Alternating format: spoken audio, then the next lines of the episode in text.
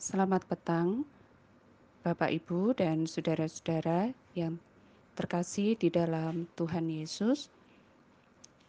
Kita mengucap syukur atas segala penyertaan Tuhan di dalam kita melakukan segala aktivitas kita pada hari ini. Mari kita bersama-sama menyatakan syukur kita kepada Tuhan melalui doa.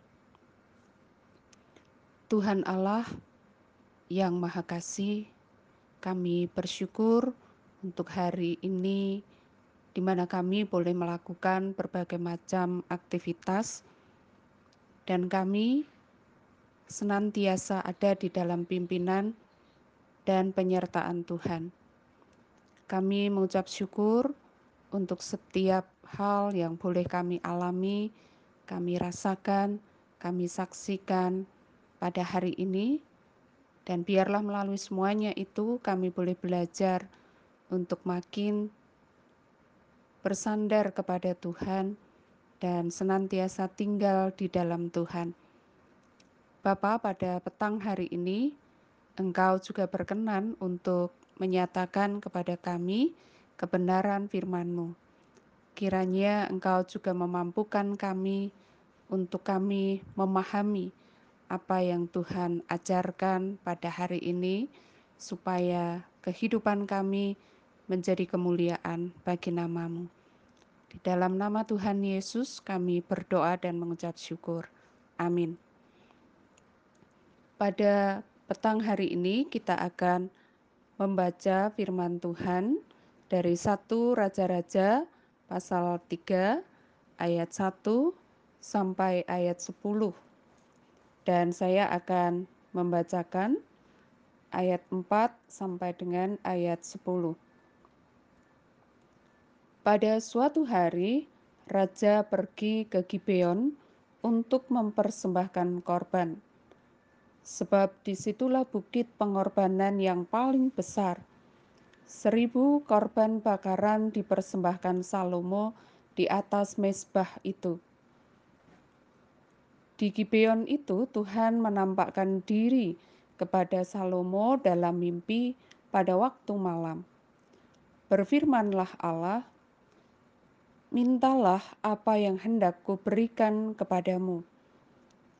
Lalu Salomo berkata, Engkaulah yang telah menunjukkan kasih setiamu yang besar kepada hambamu Daud ayahku, sebab ia hidup di hadapanmu dengan setia benar, dan jujur terhadap engkau. Dan engkau telah menjamin kepadanya kasih setia yang besar itu dengan memberikan kepadanya seorang anak yang duduk di tahtanya seperti pada hari ini. Maka sekarang ya Tuhan Allahku, Engkaulah yang mengangkat hambamu ini menjadi raja menggantikan Daud ayahku. Sekalipun Aku masih sangat muda dan belum berpengalaman. Demikianlah hambamu ini berada di tengah-tengah umatmu yang kau pilih. Suatu umat yang besar, yang tidak terhitung dan tidak terkira banyaknya. Maka berikanlah kepada umatmu ini hati yang faham menimbang perkara untuk menghakimi umatmu dengan dapat membedakan antara yang baik dan yang jahat. Sebab siapakah yang sanggup menghakimi umatmu yang sangat besar ini?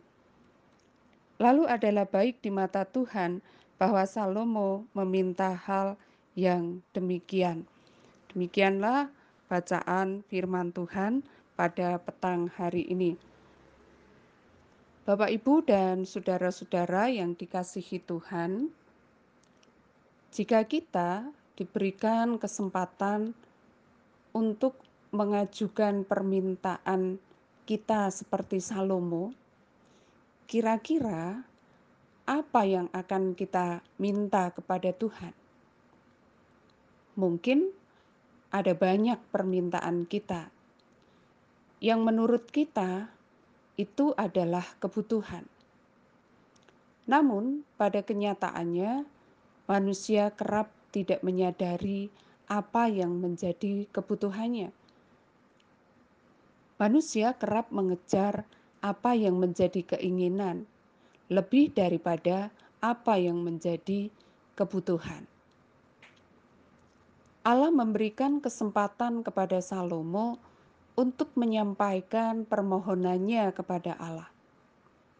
Salomo sebagai seorang raja menyadari apa yang dibutuhkannya, bahwa dia harus bersikap adil dan bijaksana kepada bangsa yang dipimpinnya. Salomo sadar bahwa sebagai raja harus menghadapi dan memutuskan banyak perkara Sebab itu, Salomo meminta hati yang faham menimbang perkara, hati yang bisa membedakan yang baik dan yang buruk, sehingga tidak salah dan adil dalam setiap keputusan yang diambil. Salomo meminta bukan apa yang diinginkan, tetapi apa yang dibutuhkan dan bukan hanya untuk kepentingan pribadinya, tetapi untuk kebaikan banyak orang, kesejahteraan banyak orang. Mungkin tidak banyak orang yang menyadari akan kebutuhan hikmat ini. Namun, Salomo tahu bahwa ini adalah yang diperlukan untuk bisa menjadi raja yang menegakkan keadilan bagi bangsanya. Dan Tuhan berkenan atas permohonan Salomo ini.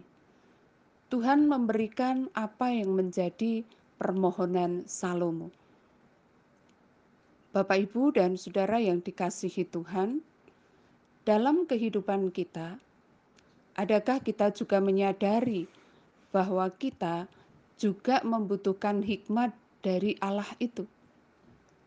Pernahkah kita berdoa seperti Salomo, memohon hati yang faham menimbang perkara, sehingga kebaikan-kebaikan yang dihasilkan dalam kehidupan kita.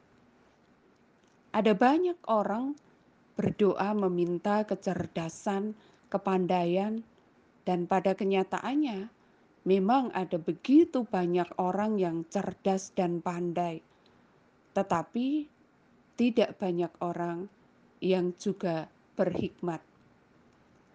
Kita membutuhkan hikmat Allah untuk memutuskan segala sesuatu, supaya keputusan-keputusan itu adalah keputusan yang benar, yang memuliakan Allah, serta mendatangkan kebaikan bagi sesama. Jika kita merasa kekurangan hikmat, mintalah kepada Allah, maka Dia akan mengaruniakannya kepada kita.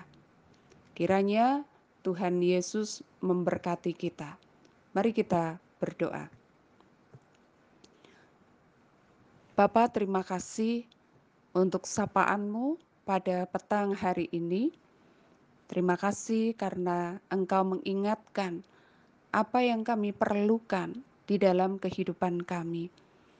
Bapa kami membutuhkan hikmat-Mu dan pada saat ini kami memohon Engkau kiranya berkenan untuk mengaruniakan hikmat-Mu kepada kami, supaya segala sesuatu yang kami putuskan dalam hidup kami, yang kami lakukan dalam kehidupan kami, menjadi berkat bagi banyak orang, dan lebih daripada itu, berkenan di hadapan Tuhan. Bapak terima kasih untuk sepanjang hari ini dan kami ingin senantiasa menyerahkan seluruh kehidupan kami di dalam tangan kasih Allah.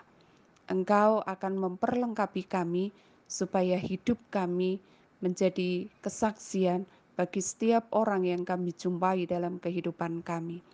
Terima kasih Bapak di surga, kami serahkan bangsa dan negara kami dengan berbagai macam persoalan yang tengah terjadi. Kami serahkan para pemimpin kami dalam berbagai macam rencana yang mereka lakukan dan juga berbagai macam hal yang sedang mereka perjuangkan untuk mendatangkan kebaikan bagi bangsa ini. Tuhan menolong dan menyertai. Engkau juga memberkati keberadaan setiap gerejamu di mana pun, supaya Tuhan juga berkenan untuk memperlengkapi dan kehadiran gereja Tuhan boleh menyatakan kasih Allah kepada orang-orang yang ada di sekelilingnya. Terima kasih ya Allah, kami serahkan setiap umatmu di dalam doa-doa pribadi di hadapan Tuhan. Tuhan senantiasa menyatakan segala yang terbaik bagi umatmu. Di dalam nama Tuhan Yesus kami berdoa dan mengucap syukur. Amin.